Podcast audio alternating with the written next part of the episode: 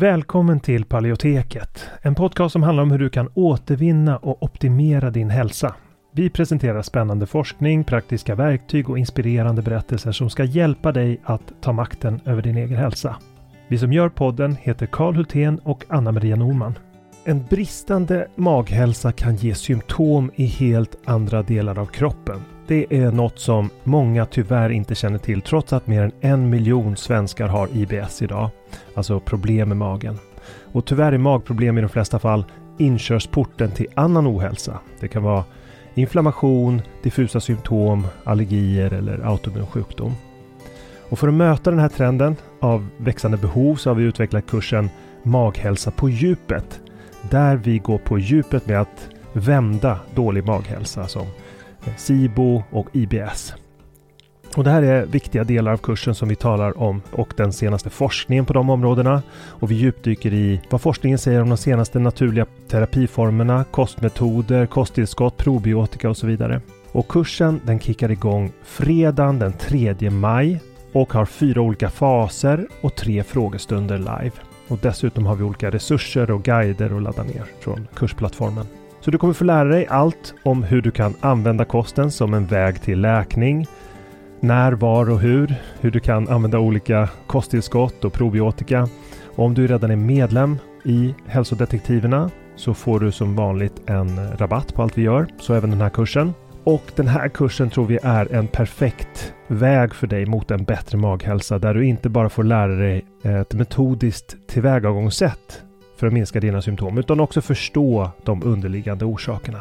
För att läsa mer om kursen och anmäla dig till den går in på paleoteket.se och klickar på utbildning.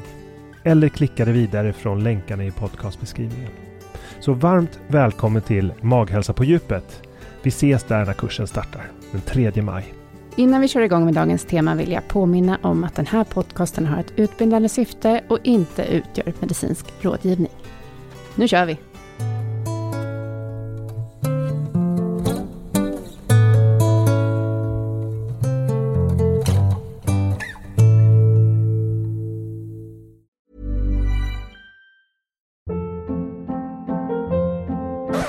Hold up. What was that? Boring. No flavor. That was as bad as those leftovers you ate all week. Kiki Palmer here, and it's time to say hello to something fresh and guilt-free. Hello Fresh. Jazz up dinner with pecan-crusted chicken or garlic butter shrimp scampi. Now that's music to my mouth. Hello Fresh. Let's get this dinner party started. Discover all the delicious possibilities at hellofresh.com. Hey, it's Paige DeSorbo from Giggly Squad. High quality fashion without the price tag. Say hello to Quince. I'm snagging high-end essentials like cozy cashmere sweaters, sleek leather jackets, fine jewelry, and so much more. With Quince being 50 to 80% less than similar brands. And they partner with factories that prioritize safe, ethical, and responsible manufacturing. I love that. Luxury quality within reach. Go to quince.com slash style to get free shipping and 365 day returns on your next order. Quince.com slash style. Hey, it's Ryan Reynolds, and I'm here with Keith, co star of my upcoming film, If, only in theaters, May 17th. Do you want to tell people the big news? All right, I'll do it. Sign up now and you'll get unlimited for $15 a month in six months of Paramount Plus Essential Plan on us. Mintmobile.com slash switch. Upfront payment of $45 equivalent to $15 per month. Unlimited over 40 gigabytes per month. Face lower speeds. Videos at 480p. Active Mint customers by 531.24 get six months of Paramount Plus Essential Plan. Auto renews after six months. Offer ends May 31st, 2024. Separate Paramount Plus registration required. Terms and conditions apply if rated PG. Idag intervjuar jag Jan Karlsson från Gröna Gårdar. Som tog över familjegården där det bara fanns en handfull suggor och mjölkkor. Och eh, 2001 så bildade han eh, Gröna Gårdar. Och långt innan dess så hade han fått upp ögonen för hur djurhållningen påverkar köttets kvalitet. Och gått över just till gräsbetesproduktion. Och i slutet av avsnittet, de sista tio minuterna ungefär, så diskuterar vi just detta.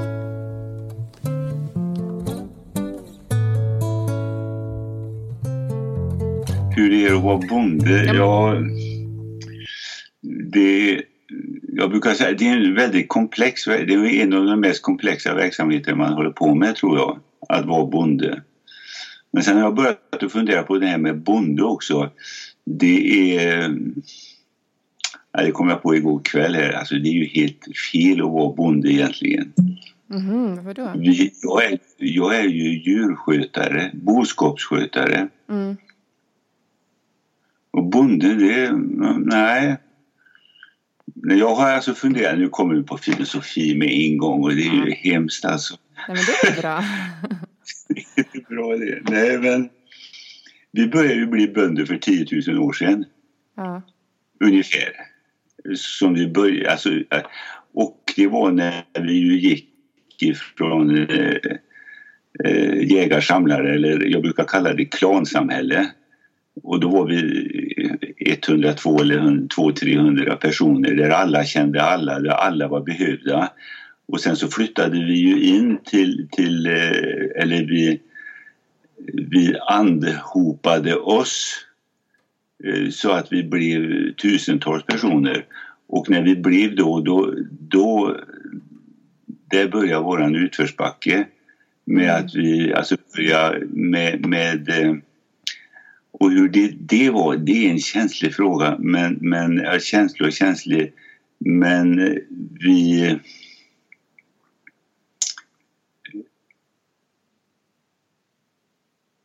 Alltså vi är ju till grunden alltså religiösa på något sätt eller vi vill ju tro på saker och ting.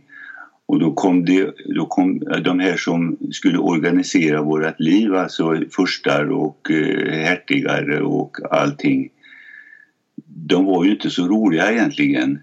Och då började vi ju utnyttja alltså, alltså naturresurserna hänsynslöst. Mm. Innan så, så och då och sen så tror vi att vi är väldigt, det hörde jag ju på radion här igår, jag fick ju bara bekräftat. Vi är ju ett bytesdjur. Vi är ju inte alls så, så krigiska som vi tror. Nej. För, nej, det här är egentligen väldigt viktigt. Alltså för, till för 10 000 år sedan, våran överlevnad, att vi kom så långt som till för 10 000 år sedan, det var ju det att vi var väldigt socialt kompetenta. Och det var den här sociala kompetensen som gjorde att vi kom så långt som vi gjorde. Just det. Och sen så, börj- ja, och sen så började vi ju och eh, men, men, men, men, men ifrån det, alltså när vi gick ifrån det här klansamhället, eller det här, så, så blev det ju alltså en, en väldigt... Ja, vi utnyttjar alla, alla alltså resurser väldigt hänsynslöst. Väldigt hänsynslöst. Och sen har det kraschat och kraschat och kraschat och kraschat hela tiden i stort sett. Från det. Mm. Så det här med bonde, det är kanske... Och det är väl lite grann det här att... Eh, jag, har, jag har sagt så här, var och en ska odla hälften utav sin mat själv. Och det är kanske enda sättet att vi kan komma runt den här galenskapen. För Så vi, får, så vi får en koppling liksom till naturen så att vi förstår. Så- Så att vi får en kommer. koppling till Mm. och, och, och, och att vi förstår eh, hur saker och ting hänger ihop. Mm. Och, i, och så i och med det här eh, när vi blev bönder då från, från, och, med, från och med då så, så, så blir vi mer och mer fråntagna våra rötter egentligen. För, för alltså vi hade väldigt ordentliga rötter i den här klansamhället eller den här... Det är ett fel ord. Det är ingen som har hjälpt mig med ett bättre ord för Nej. klan är, är ju väldigt besudlat. Ja. Men, men, men det är ju alltså ett samhälle som det är två, ja, alltifrån 50 till som jag sa 300 personer och där alla behövs. Alla behövs i, i det samhället. Mm. Alla kompetenser behövs. För kan man ta tillvara på alla kompetenser så har det en mycket, mycket större chans att överleva. Och det var ju därför som vi överlevde, kan man enkelt. Mm. En, en gemenskap där man är liksom ömsesidigt beroende av varandra och också beroende av naturen. Och så. så att man känner också en mening tror jag, för det kan vara det som gör att folk inte känner meningsfullhet också i livet och så. Man saknar den här det- gemenskapen. Så. Och det är den menings... Eller, alltså, eller att få en mening med livet. För nu är vi ju... Jag brukar, ja, det, det finns ett, ett datum 1827. Det kanske du vet vad det var för datum? Och när jag, de där årtalen alltså, nej, det är inte min grej. ja, det tog lång tid innan jag fick där jag fastnade. Nej, det var då som vi i Sverige eh, alltså beslutade att gå ifrån bysamhället till, till att flytta ut gårdarna till, mm. eh, till, till, till eh, alltså vi blev individualister. Är det där skifte, det var, skiftesreformen eller? Skiftesreformen ja. Mm. Och det gjorde, alltså förut så bodde vi i byar eller säg att det bodde 10 personer i en by eller bodde 30 personer i en by och sen hade man alla åkrarna runt omkring. Mm. Och det betyder ju det att alla som bodde i byn de hade ju bara sitt hus men de hade ju ingenting, allting, de ägde egentligen allting gemensamt och de, de blev ju på så sätt tvingade att samarbeta. Mm. Men då flyttar man ut det här eh, så det blev alltså 10-15 eh, stycken vilsna personer som, som alltså bodde eh, som enskilda öar och som började konkurrera med varandra och sen, ja, det är en, det är en förklaringsmodell. Mm. Eh, och eh, jag är nästan aldrig ute och åker men jag var faktiskt i Rumänien här för eh, ett par veckor sedan.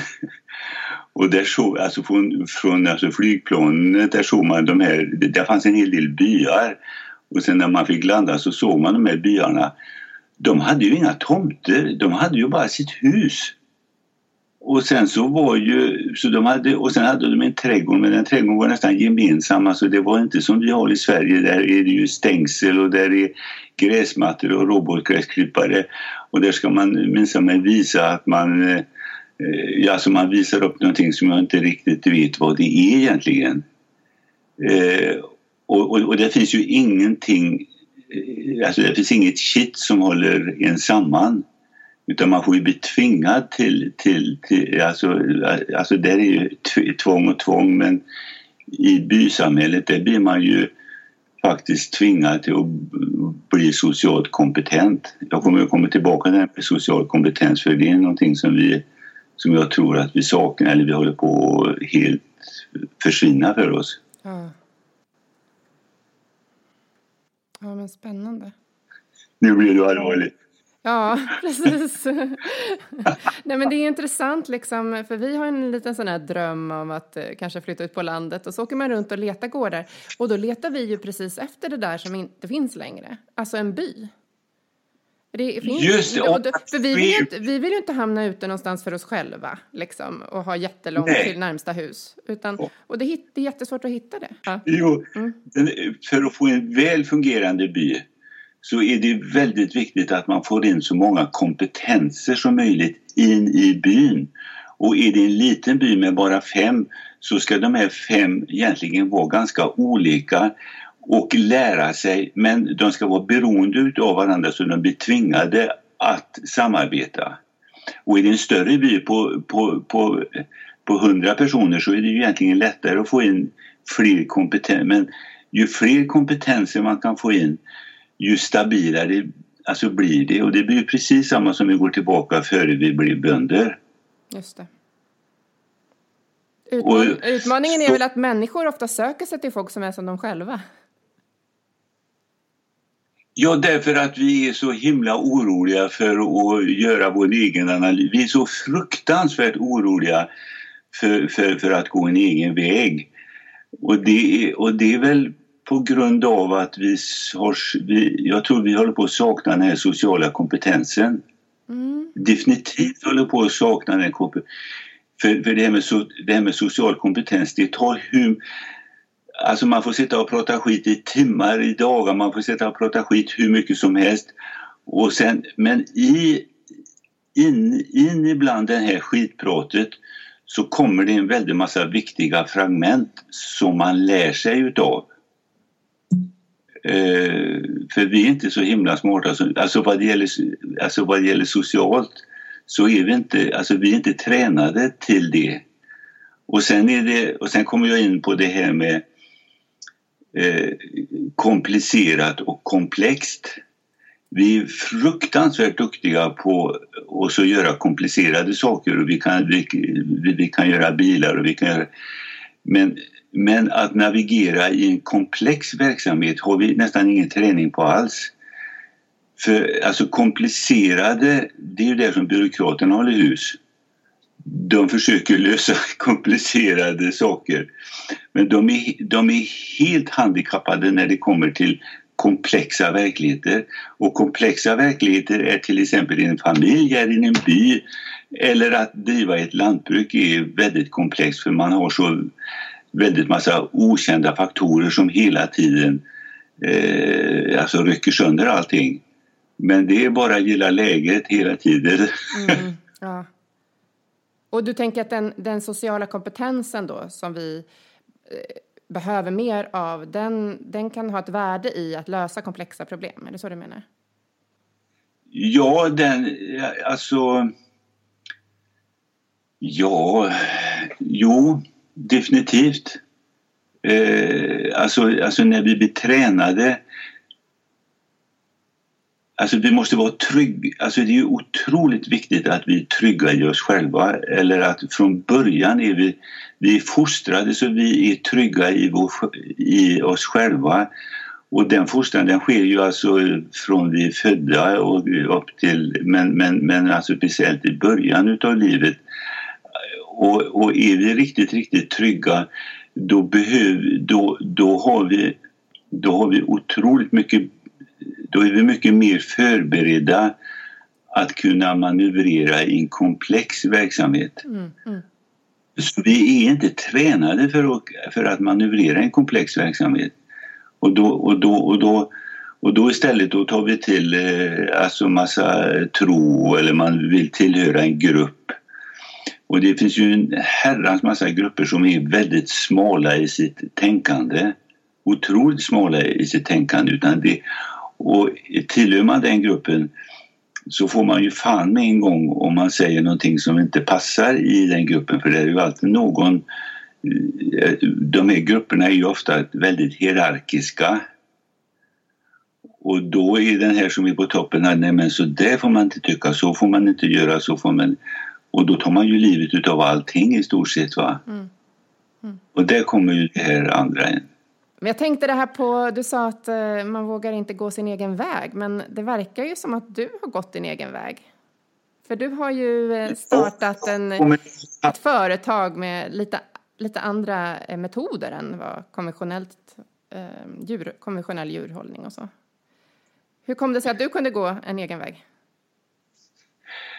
Det kommer, det kommer ju ifrån, ifrån mina föräldrar.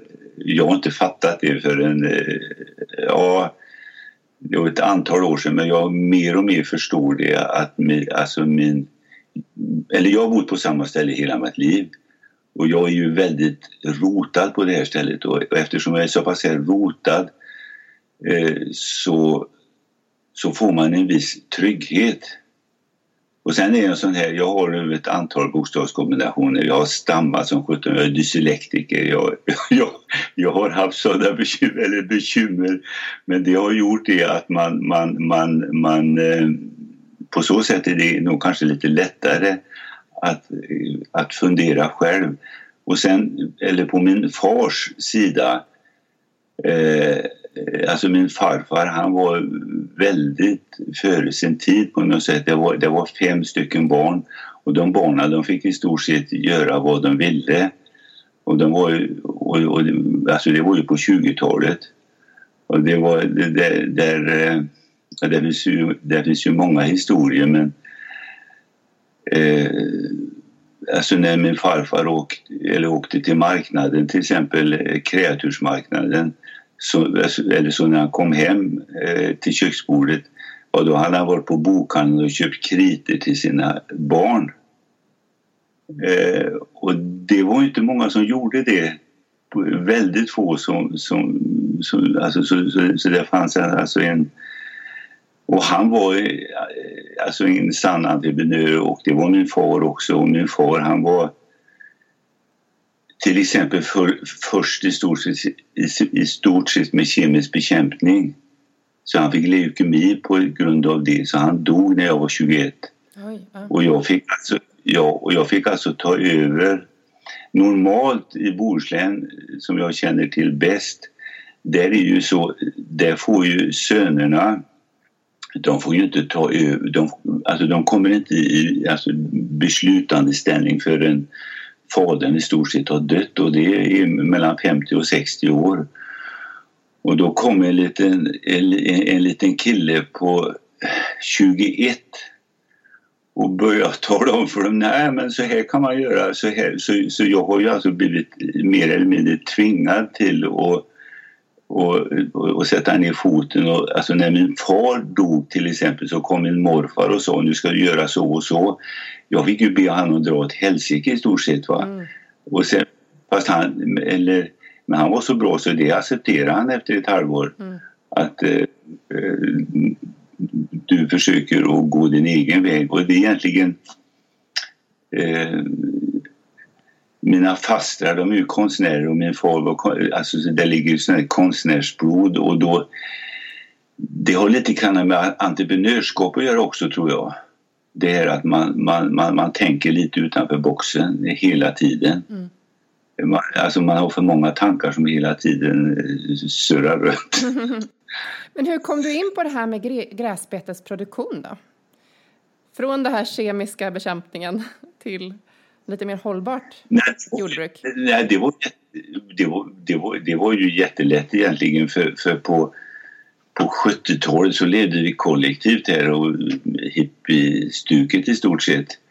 Eh, och, eh, och, och det var ju det där med gröna vågen och giftfritt och så. Så jag, så jag på, ett, på ett väldigt tidigt stadium så såg, så såg jag att, att det fanns en marknad och så det här med min far var ju väldigt trauma. Så med en gång det egentligen visade sig en, den minsta, minsta chans och sen så, sen så tittade jag på det här eh, med eh, vad vi ska producera för någonting i Bohuslän. Och Bohuslän är ju väldigt bra att producera gräs just. Eh, och det var väl så jag var väl, jag var en av de första, eller ja, 88, Krav bildades 85. 88 gick jag med i Krav och det var, jag tror jag var nummer tre i västra, nej nummer 33 i västra Sverige. Eller någonting. Så, så, så, så det var, alltså det var en självklarhet att alltså komma ifrån den här giftanvändningen så fort som, eller som med en gång jag såg att det fanns en möjlighet att kunna försörja sig på det. Mm, just det. Du nämnde när vi, sen, när vi pratade förut så nämnde du att du hade läst eh, Staffan Lindebergs forskning också, att du liksom kopplade samman då vad människan ämnade att äta och vad djuren ämnade att äta. Ja, det var ju, men det var ju senare man hörde han, hans, eh, jag tror det var radioprogram, jag tror det var 90 97, 98. Men eftersom det låg i linje med allting så var det ju väldigt lätt att ta sig eller ta, eller ta till sig det här. Eh, och sen så, sen så dök det upp någon som heter Lars Wilson om du känner till honom. Mm. Han var en biolog, en praktiker. Lindeberg var ju en teoretiker. Och, och, eh, och då Wilson var, ju, var, eller var en praktiker och han eh, tog vi kontakt med så vi hade han på föredrag här och han, men han, han var otroligt praktisk och han hade alltså eh, på praktisk väg så hade han, han,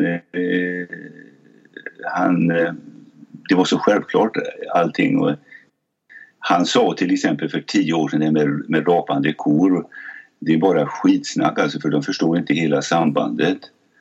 Och nu börjar, och nu börjar man förstå att eh, det är nog på det viset.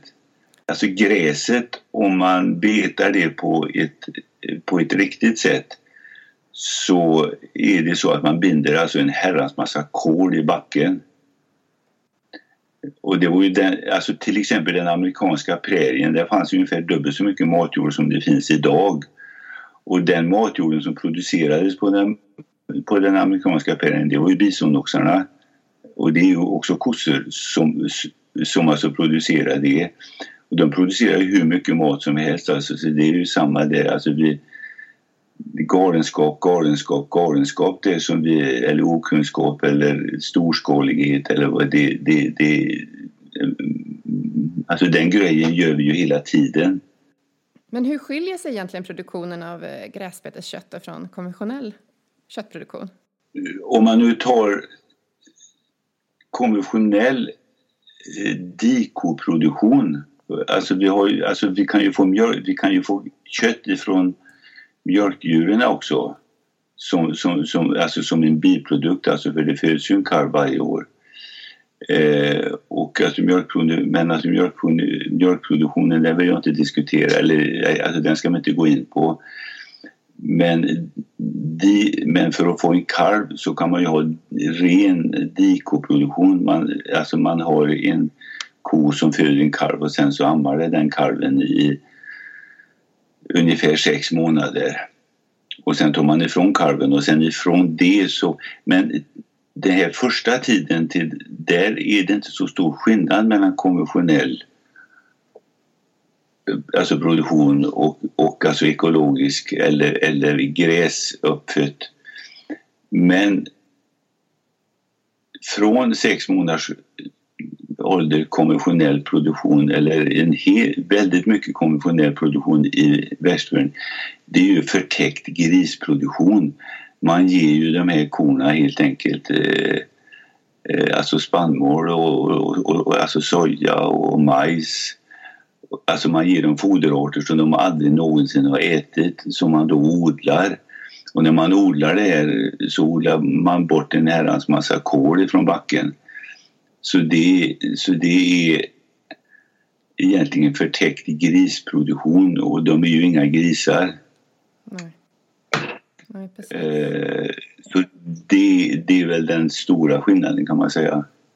Så det, ja, och det som blir resultatet blir både liksom problem för eh, man säger, klimatförändringarna, biologiska mångfalden och sen så också köttet som blir olika. Eller man ska ja, kött mm. är ju ingen höjdare. Alltså köttet blir ju, och det har ju vi redan 2005 så, så började, eller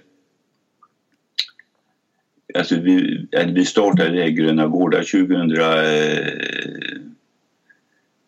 2002 och sen så började vi marknadsföra det här, det här köttet själv. Och då, alltså när vi hade varit med i Krav så pass länge så började jag ifrågasätta Krav rätt så ordentligt. Vad sjutton är det för mervärde med Krav egentligen? Och då började jag titta på det här med, med att Krav godkänner ju att vi ger ganska mycket spannmål till vår, även till köttdjuren, eh, alltså nu är det långt ifrån alla som gör det men, men det är tillåtet att ge 30% spannmål till att föda upp kravnötkött. Och då tog vi kontakt med, med SLU eh, uppe i Uppsala, Jonna Pikova där. Och så gjorde vi, eh, alltså, alltså tog prov på fettsyrorna och, och, och, vi hade ett prov här där vi hade under tre månader så hade vi en, en kontrollgrupp som gick på bara gräs och en kontrollgrupp som, som gick på det här eh, 30 kraftfoder. Och då fick vi en försämring utav fettsyresammansättningen. Fettsyresammansättningen fick en försämring på 30 och sen frågade jag Jonna Pikova hur, hur alltså man fortsätter. Nej, det går rakt ner i botten. Det blir, det blir en väldig försämring. Och då fick jag ju rena aha, men vad i all sin dag sysslar vi med? Och då, och då trodde jag ju lyckan var, var... Nu hade vi kommit på något riktigt bra här som var lätt att sälja men det är ingen som har fattat det här ännu. Att det här eh, naturliga köttet, det riktiga köttet, det är en helt annan produkt ja. än, än den produkten som man föder upp på, på kraftfoder. Det är en helt annan produkt. Hej, it's Danny Pellegrino from Everything Iconic. Ready to upgrade your style game without blowing your budget? Check out Quince. They've got all the good stuff shirts and polos, activewear, and fine leather goods, all at 50 to 80% less than other high end brands. And the best part? They're all about safe, ethical, and responsible manufacturing. Get that luxury vibe without the luxury price tag. Hit up quince.com slash upgrade for free shipping and 365 day returns on your next order. That's quince.com slash upgrade. Hold up. What was that? Boring. No flavor. That was as bad as those leftovers you ate all week. Kiki Palmer here, and it's time to say hello to something fresh and guilt-free. Hello Fresh. Jazz up dinner with pecan-crusted chicken or garlic butter shrimp scampi. Now that's music to my mouth. Hello Fresh. Let's get this dinner party started. Discover all the delicious possibilities at hellofresh.com.